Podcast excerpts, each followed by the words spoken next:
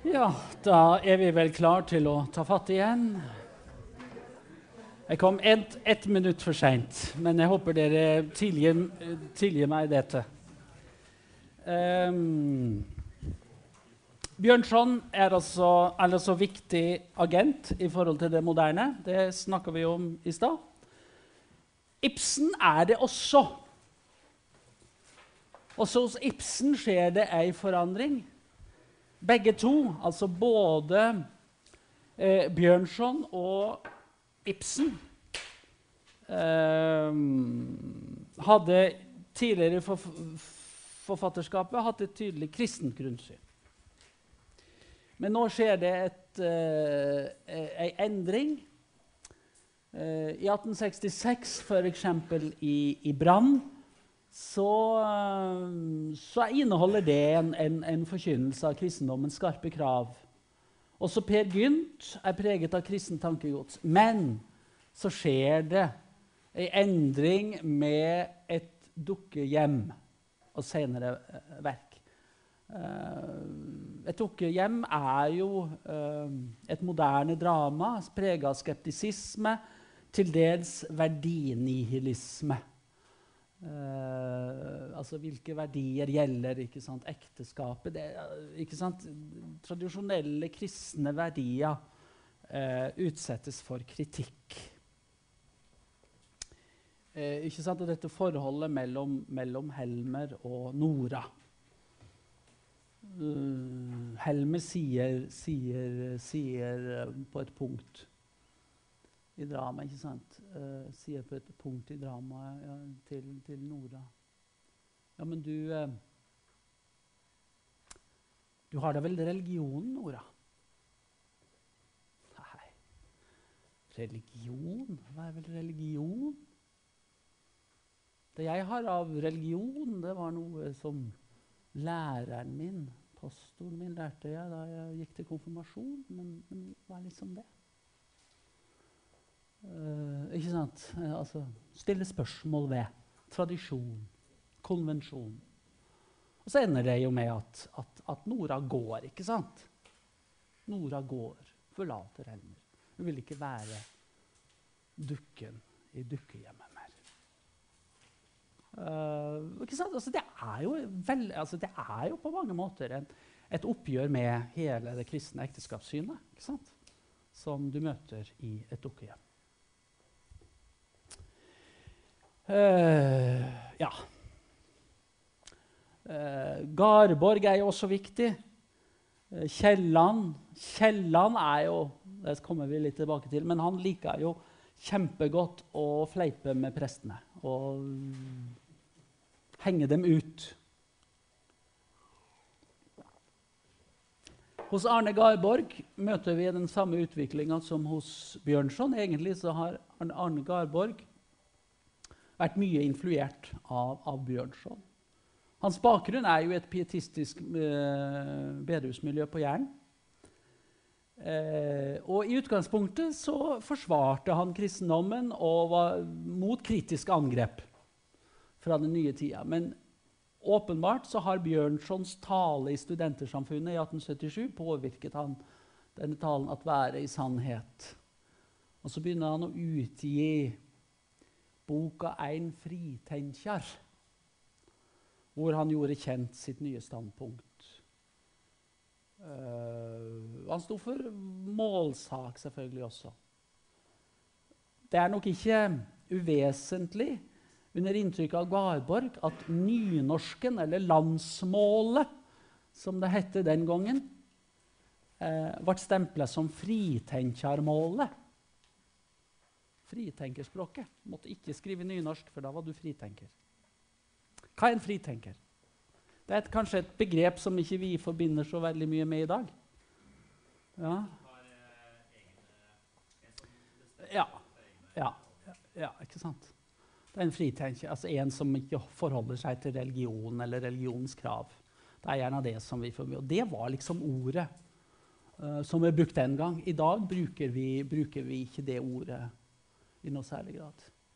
Men det var det vanlige ordet, altså. Den gang, for en som, som du sa, tok sine egne og, og, og ikke forholdt seg til religion og til religionskrav. Eh, det som er interessant med en fritenker, det er at det er en teologisk student som er hovedpersonen i boka. Altså de, de, de, de blir sittende, eller de, blir stående ved, ved prestene og teologene.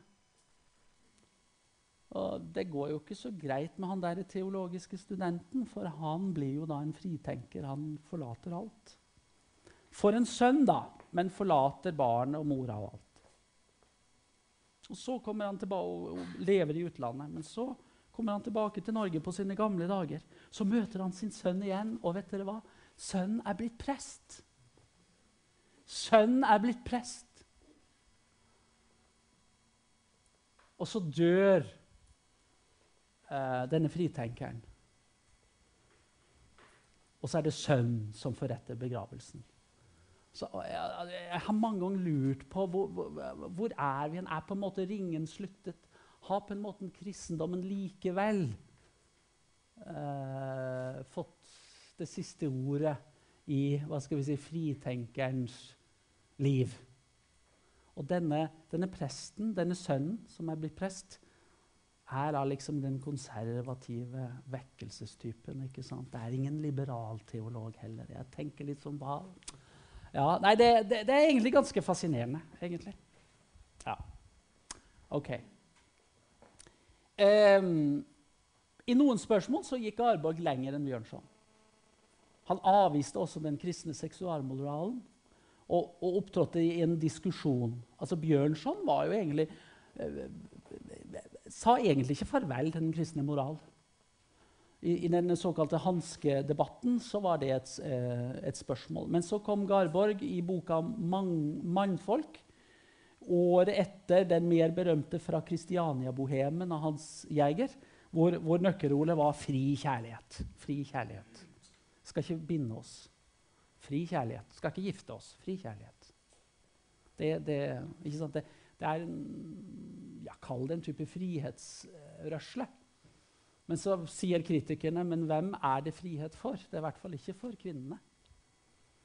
De blir ofte sittende igjen med konsekvensene, kanskje i form av uønskede barn osv. Så, videre. så det har, dette har sine omkostninger. Denne, denne boka fra Kristiania-bohemen av Hans Jæger den ble jo da uh, beslaglagt av politiet. Og så kom da Arne Garborg med sin bok 'Mannfolk', og så ble han sur fordi politiet ikke fant det hensiktsmessig å dra inn boka hans. Den var liksom ikke alvorlig nok. Det likte ikke Arne Garborg. Hva er dette for noe? Er det sekularisering? Som jeg har vært inne på, Forfatternes frafall hvis jeg skal bruke det ordet, spilte en stor rolle. Men det er viktig å si at det vi, vi, vi, vi snakker om når det gjelder det moderne gjennombrudd, eh, det nådde vel i utgangspunktet i hvert fall, i begynnelsen i hvert fall, eh, ikke dypt ned i folket. Det var i stort sett en kulturelite, kanskje, eh, hvor disse, disse nye tankene slo rot.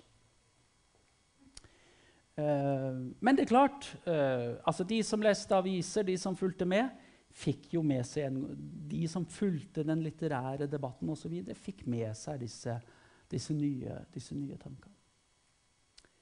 Uh, samtidig så skjer det også viktige religiøse endringer i denne perioden. Uh, jeg har skrevet her gammel vanekristendom var i ferd med å gå over til indifferentisme. Gammel vanekristendom. Altså, da tenker jeg på tradisjon, konvensjon. Eh, det var, eh, det var viktig, og det spilte en, en, en viktig rolle. Etter hvert så blir det ganske mange samfunnsgrupper som stiller seg ganske indifferent til, uh, til religion. Uh, man merker, man merker uh, det, man merker det på flere om områder. Eh, man merker det kanskje særlig i nedgangen når det gjelder altergang eller nattverdgang. Og man merker det ved at i hvert fall prestene begynner etter hvert å klage over at det er få i kirkene. Det er få som går i kirka. Men det er også en sannhet med modifikasjoner.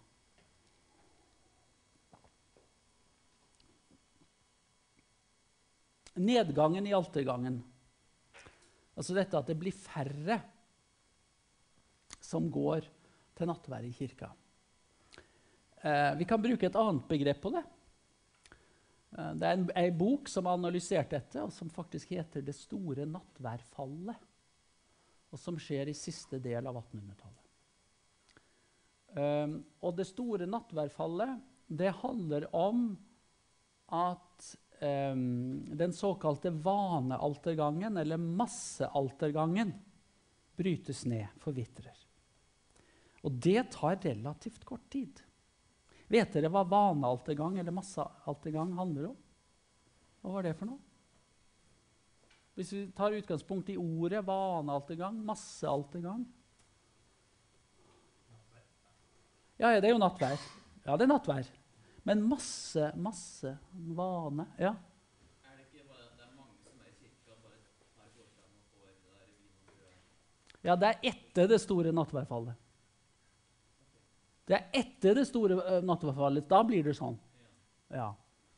Men vanealtergangen eller massealtergangen forteller jo at alle i realiteten gikk til nattvær.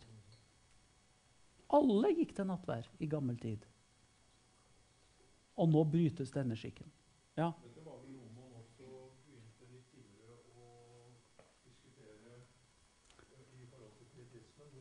Mm. det har du helt rett i. Det har du helt rett i. Og mange har sagt at egentlig så virket pietismen til dette store nattværfallet. Ved å si du skal ikke gå uverdig til alters. Du skal ikke gå bare av vane til alters. Du skal være forberedt, og du skal stå inne for det selv. Uh, det er jo en del av moderniseringa. Uh, dette at du, du, skal stå inne for religionen selv. Du skal ikke, du skal ikke bare følge religion fordi det er tradisjon.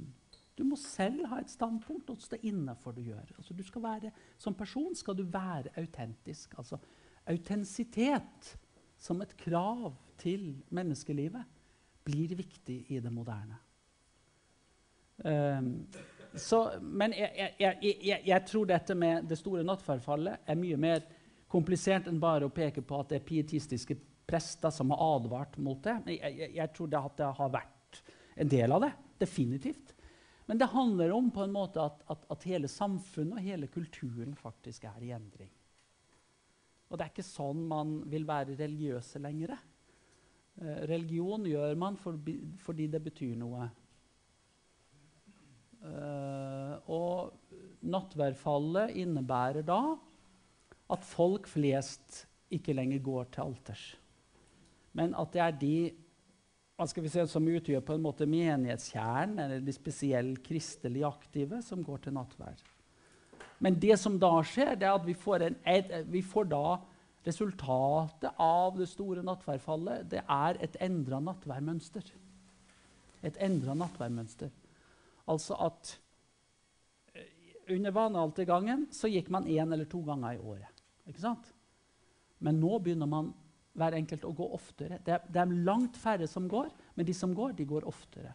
Og Det er på en måte det moderne nattverdmønsteret den dag i dag. Nå har vi jo fått en, det vi kan kalle en nattverdrenessanse i kirken. Hvor det er stadig flere, altså, Mange tall går nedover, men nattværtallet går ikke nedover. Det, det peker snarere oppover. Altså, altså, det er blitt mer naturlig å gå til nattvær. Denne I denne perioden så ble det etter hvert sånn, i hvert fall når vi kommer rundt 1900 og like etterpå, at vi får sånne eksempler som du viste til. Altså at kirka kan være full, men det er én og to som går fram. Ja, vi har til og med eksempler på menigheter hvor det ikke feires nattvær, for det er ingen som kommer. Det er enkelte som sier Pressen sier nei, vi er slutta å feire nattvær i denne kirken, for ingen kommer. Jeg må gå til nattvær alene. Det blir litt stusslig. Altså, og det skjer altså over relativt Og dette, dette nattværfallet begynner rundt 1870 og går frem. Altså det skjer relativt parallelt med det moderne gjennombrudd. Så har vi dette med kirkesøkning. Altså det er en sannhet eh, med modifikasjoner at det blir færre som går i kirka. Det blir det gradvis.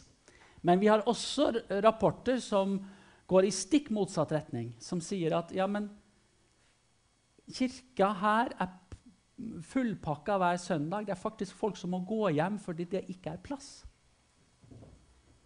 Men det er gjerne knytta til de store befolkningsendringene i samtiden. Altså det kan være på steder hvor de, f.eks. har en liten og gammel kirke, og så har de hatt en sterk befolkningsøkning. Da kan man merke det. Andre steder hvor det har vært fraflytting eller sånne ting, der begynner det å minke i kirka. Så eh, bildet er ikke entydig. Det som er interessant, er jo at vi i denne perioden, parallelt med dette, har en stor kirkebyggerperiode i Norge. Tenk alle disse, her i denne byen, alle disse teglsteinskirkene. Store kirkene. De er bygd i siste del av 1800-tallet. Svære kirker som forteller noe om at her var det mange faktisk som gikk til kirke. Ellers så hadde de jo ikke behøvd å bygge sånne store kirker.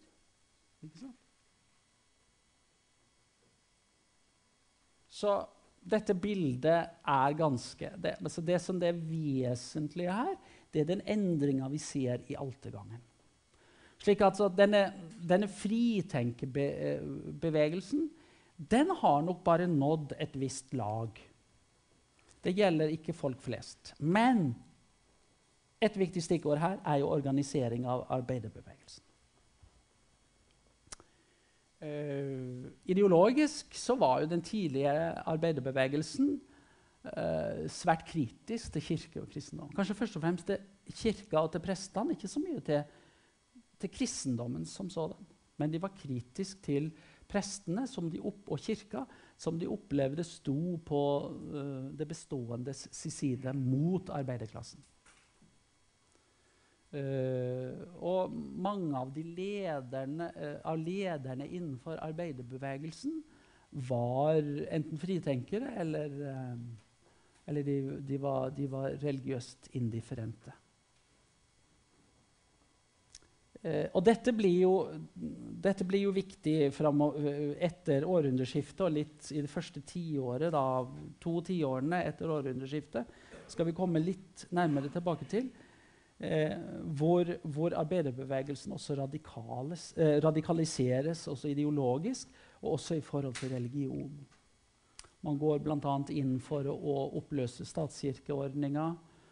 Eh, ta religionsfaget ut av skolen. Det er i den mest radikal, radikale perioden av, eh, av arbeiderbevegelsens historie. Så er, det jo, er det jo et interessant fenomen.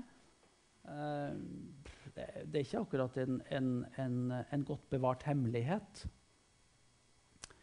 Det vil jeg nå ikke si at det er, men, eh, for det er jo kjent.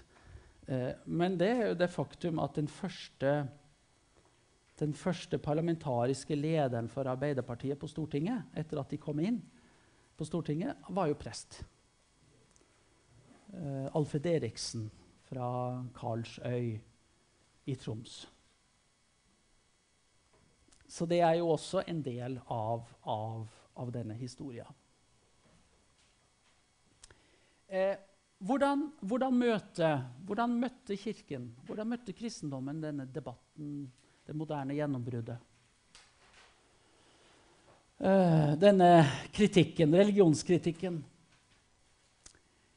Jo, det vokser fram det vi kan kalle en apologetisk litteratur, eller en sånn type forsvarslitteratur, hvor altså kristendommen og kirka skulle forsvare seg selv mot angrep. Og denne litteraturen og denne strategien eh, Nei, dette reflekterte to strategier uh, innenfor kirka i møte med det moderne gjennombruddet. i møte med det moderne. Og disse to strategiene kan vi på mange måter personifisere i to personer. Den ene er Høk. Vi har snakka om Høk før. J.C. Høk. som diskuterte med, med, med Bjørnson. Og den andre er Petersen. Petersen og Høk representerer, representerer si, de to hovedstrategiene som, som, som kirka møtte det moderne med. Høk på sin side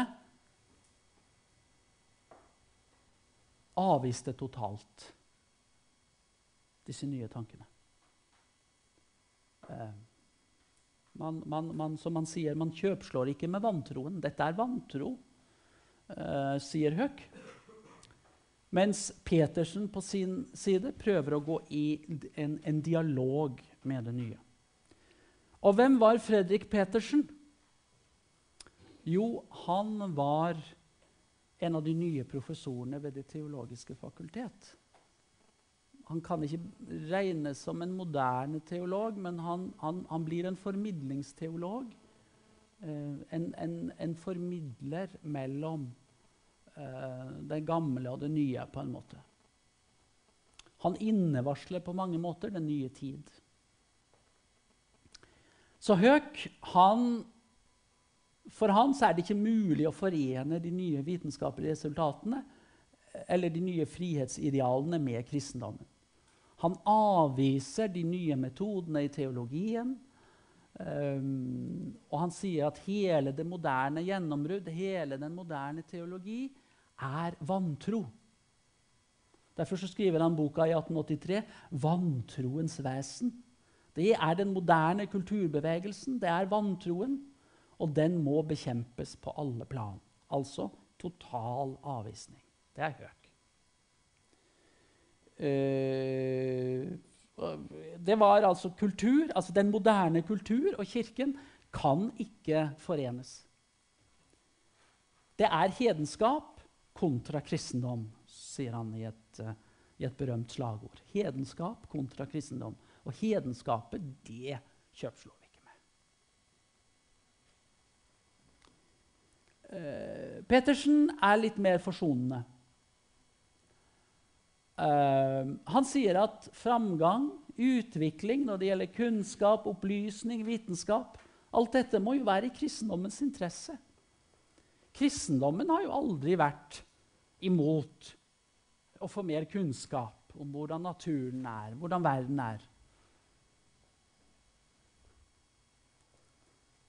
Det må vi jo heller bejae, at, at, at, at, dette skjer. Og så holder han et berømt foredrag i 1880 som heter 'Hvorledes bør Kirken møte nutidens vantro'? Merk dere at han bruker betegnelsen vantro. Uh, men her går han i møte, og hva skal vi si Inntar han et det vi i dag kanskje ville, ville ha kalt et mer sånn dialogstandpunkt. Uh, og hvor vi på mange måter kan si at han legger grunnlaget for en ny teologi i Norge. Og det er hans elever eller disipler eller studenter som tar skrittet fullt ut og, og, og bidrar til moderniseringa av teologien i Norge. Som tar inn over seg de moderne vitenskapelige eh, resultatene. Men også Petersen åpner, i motsetning til Høek, for en historisk kritisk bibelforskning. Og han vil også akseptere resultatene som denne forskningen kommer fram til. Og det er ett punkt, et særlig punkt som eh, Petersen tar et oppgjør med. Og det er den såkalte verbalinspirasjonslæra når det gjelder Bibelen. Vet dere hva det er? Hva er en verbalinspirasjonslære? Hva tenker dere det kan være i forbindelse med Bibelen?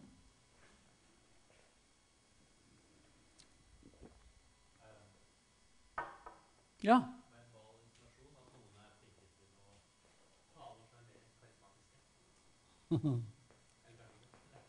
Nei, ikke, ikke akkurat i dette tilfellet.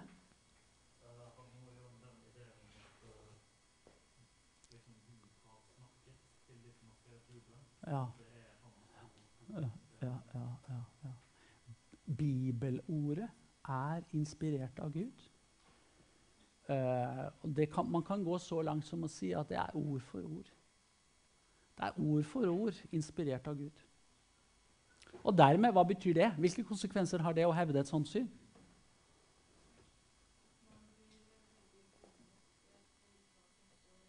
Ja, ja. Ja, altså Ja, ja. Da er jo Bibelen, da kan jo Bibelen ikke ta feil, da. Da er den ufeilbarlig. Da, da betyr det jo at det som da står i Bibelen om, om eh, hvordan verden ble skapt, det må jo da gjelde. Ikke sant? Og dette brukes jo, Det er jo en, er jo en form for, det er jo en bibelfundamentalisme uh, som da får store problemer i møte med et nytt verdensbilde. Uh, ny vitenskap som sier Nei, men kjære vene, vi ser jo på steinslagene her at de stammer jo fra Det er jo millioner av år. Milliarder av år. Eller millioner av år. Det er ikke 6000 år. ikke sant? Det holder ikke, den teorien. ikke sant? Men hvordan er det egentlig liberale kristne i dag forholder seg til det? For det er, det er to forskjellige. Altså, skapelsesberetningen i Bibelen er bevisst feil. Ja, ja, ja. Den er jo Ja, ja. Ja. Nei, men altså Det enkle svaret på det er jo, er jo at, at man kan ikke anse det som på en måte en um, fortelling om hvordan verden ble til. Altså, det er ikke en, naturfag, en naturfagsbok. Men da har man jo nærmest indirekte sagt at Bibelen er, eh, er eh, skjønnlitteratur. Ja. Uh, eller altså, det er skrevet av personer i bestemte hensikter osv. Ja. Mm. Mm. Det, vil- det, det, det, vil man jo, det vil man jo kunne si i dag. Mm. Så Hvordan overlevde på en måte Gud Darwin? Det er det jeg prøver å få ut. Men, eh, Ja, ikke sant? Ja, ja, ja. ja, ja. Nei, altså eh, Mange vil jo si at det er ikke noe problem uh, å tenke seg en skaper uh, selv med en utviklingslære. Uh, men det er bare det at man kan ikke tolke disse tekstene fundamentalistisk. Man kan ikke tolke dem bokstavelig. Altså, de er et uttrykk for eh, kanskje en mening med tilværelsen, altså, men det forteller egentlig ikke noe om hvordan eh, verden ble skapt, eller hvordan tilværelsen ble skapt. Men det har, det har en del agendaer i forhold til hvordan livet er innretta og sånne ting. Altså, det, det, går på, altså, går på, det går selvfølgelig på bibelfortolkning. Selvfølgelig gjør det det. Der føler jeg vi som peker litt grann på den gresk-helenistiske tradisjonen som Mm. Aristoteles beskriver bl.a. i poetikken. Mm. Hvor man er altså opptatt av eh, på mange måter å gjøre det abstrakte konkret. Mm. Mm. Og kanskje er det så enkelt at de skjønte at man måtte bruke et språk som folk forstår. For tid er jo et begrep menneskeheten Ja da. Og så er det jo, er det jo selvfølgelig og det som, eh, det som Bibelen er full av, det er jo sånn eh, antropomorfe framstillinger. Gud som spaserer i hagen sammen med Adam og Eva. ikke sant? Det er et veldig sånn konkret språk. Men dette må jo tolkes. Det kan i hvert fall ikke uh, fortolkes bokstavelig i vår tid. Tenker jeg. Ja.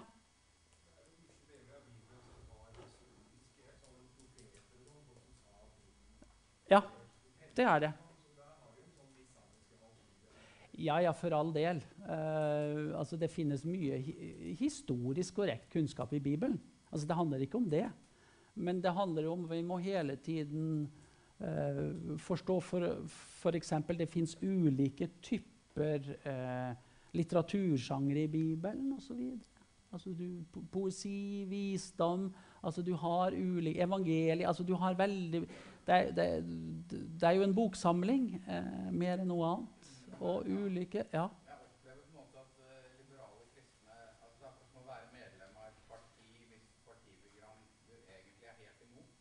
Og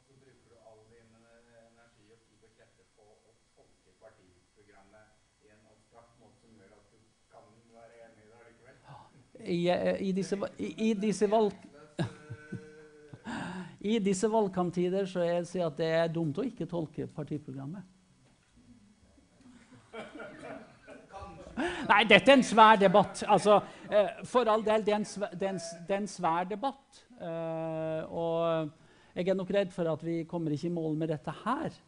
Men eh, vi, defi vi, vi, vi, burde definitivt ha tatt en, en debatt rundt disse tingene. Kanskje vi skal gjøre det på grad? Ja. For det er klart det er interessante spørsmål som reises. Og det er klart at her har man ulike tolkninger, ulike tolkningsperspektiver. Og man kommer fram til ulike resultater. Det er, det er bare sånn det er. Og det er jo en svær debatt. Ja. Nei, nei, nei. nei, nei, nei, nei. men ikke sant? Det, er, det er en viktig debatt, for all del. Men vi kommer ikke i havn med den her, tror jeg. Ja, ja, ja. ja. Nei, men det er viktig. ja. Jeg tror også en ting som for meg i hvert fall har vært veldig sentralt eh, når man leser ting av historisk litteratur, som Mm. Daniel f.eks., Mm. så er det viktig også, også å huske på at de som skrev de tingene den gangen, Mm. de hadde altså fått noen omløp. De visste hvorfor de skrev sånn som Mm. de gjorde. Mm. Og hvis vi skal se sånn rent intellek- intellektuelt, Mm. så har jo menneskeheten ikke utviklet seg så voldsomt annet enn innenfor naturvitenskapen de siste 2000 årene. Altså, det humanistiske tankegodset vårt er ganske likt. Ja, og det er veldig Når du ser på gamle oldtiden og det, altså, det er avansert tenkning. Det er virkelig Ja. Det er det, det, er det definitivt. Eh, men altså, ikke sant Her på en måte begynner eh, Her begynner på en måte modernisering av teologien med Petersen. Selv om han blir en overgangsfigur. Her har vi disse to. Her har vi Høek, og her har vi Petersen. Du kan nesten se hvem som er den strenge av dem. Han sier nei, den moderne vantro kan vi ikke ha. Eh, Så sier Petersen ja, men eh, litt kunnskap har vi ikke vondt av.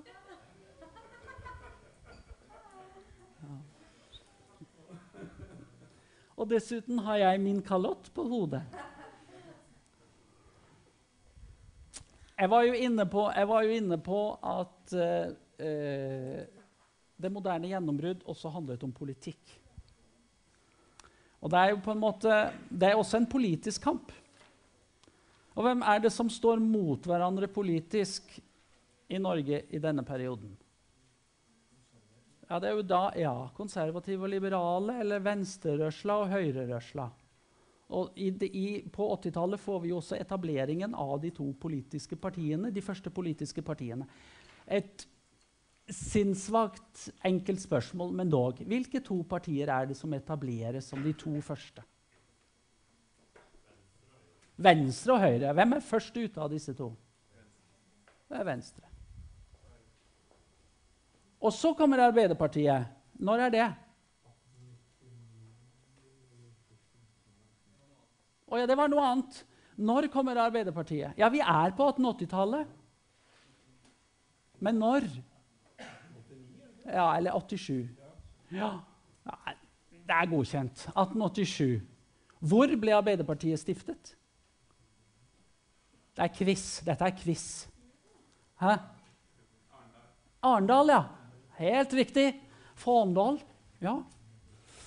Det er bra. Eh, men du, det var noe annet.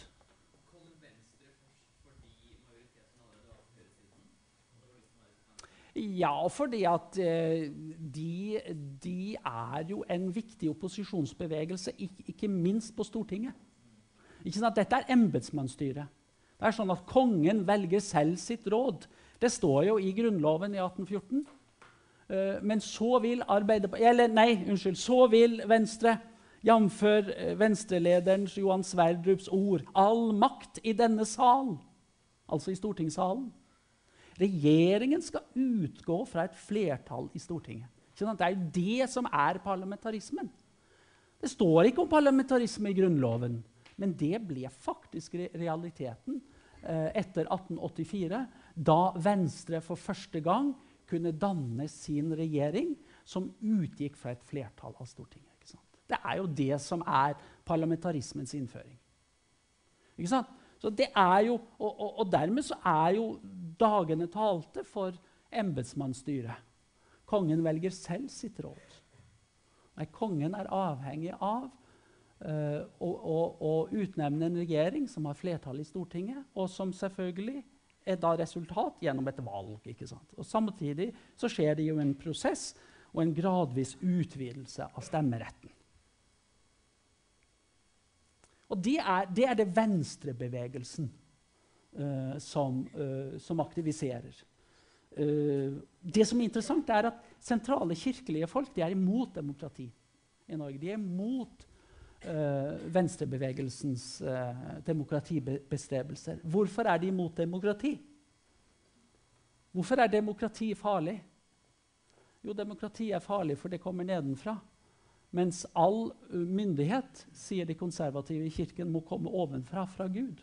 Myndigheten er innsatt av Gud. Kongen er Guds representant.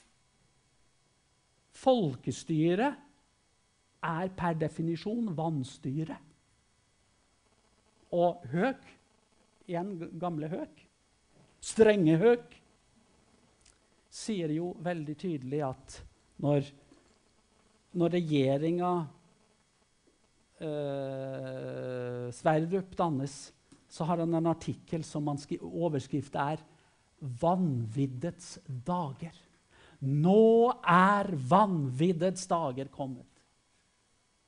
Det bryter med samfunnsordenen og med Guds orden.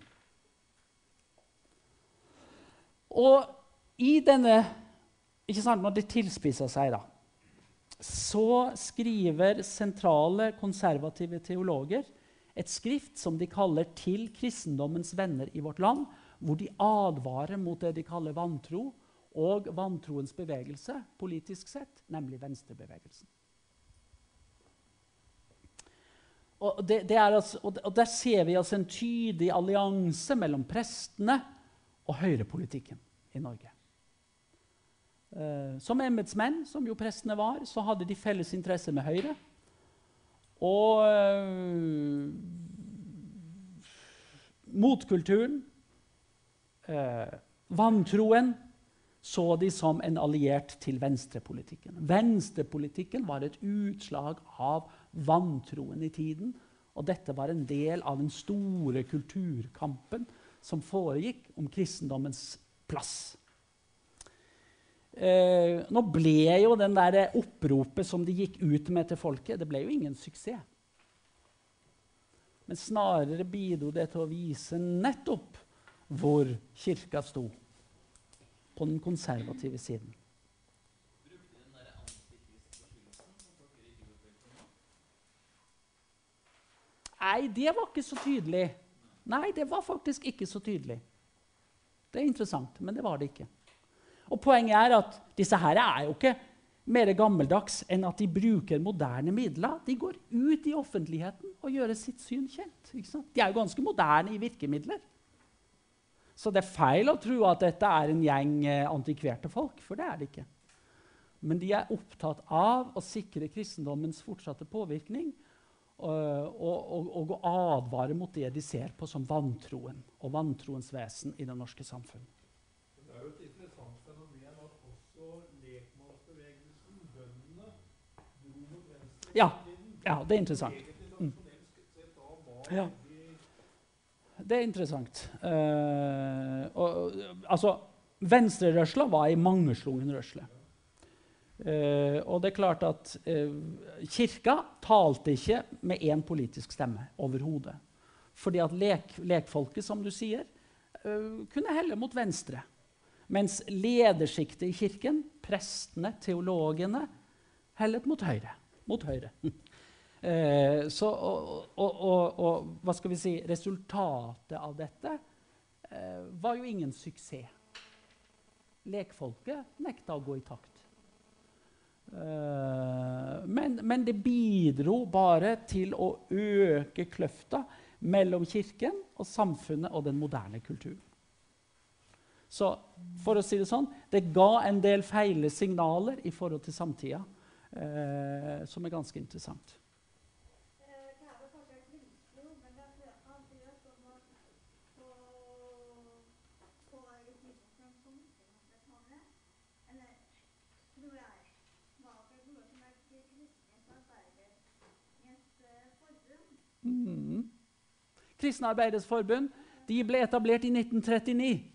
Ja, Ja, og, det er, eh, det, og det er klart at det var, det var altså Man har jo gjerne sagt at Arbeiderpartiet har vært det største kristne partiet i Norge. Men partiledelsen har i stor grad vært kristendomskritiske. Ja, mens fotfolket, grasrota, ikke med nødvendighet har vært det. Så det er ganske interessant når det gjelder det partiet. Men det kommer vi litt tilbake til når vi tar den nyeste utviklinga. Nå er klokka tolv og vel så det.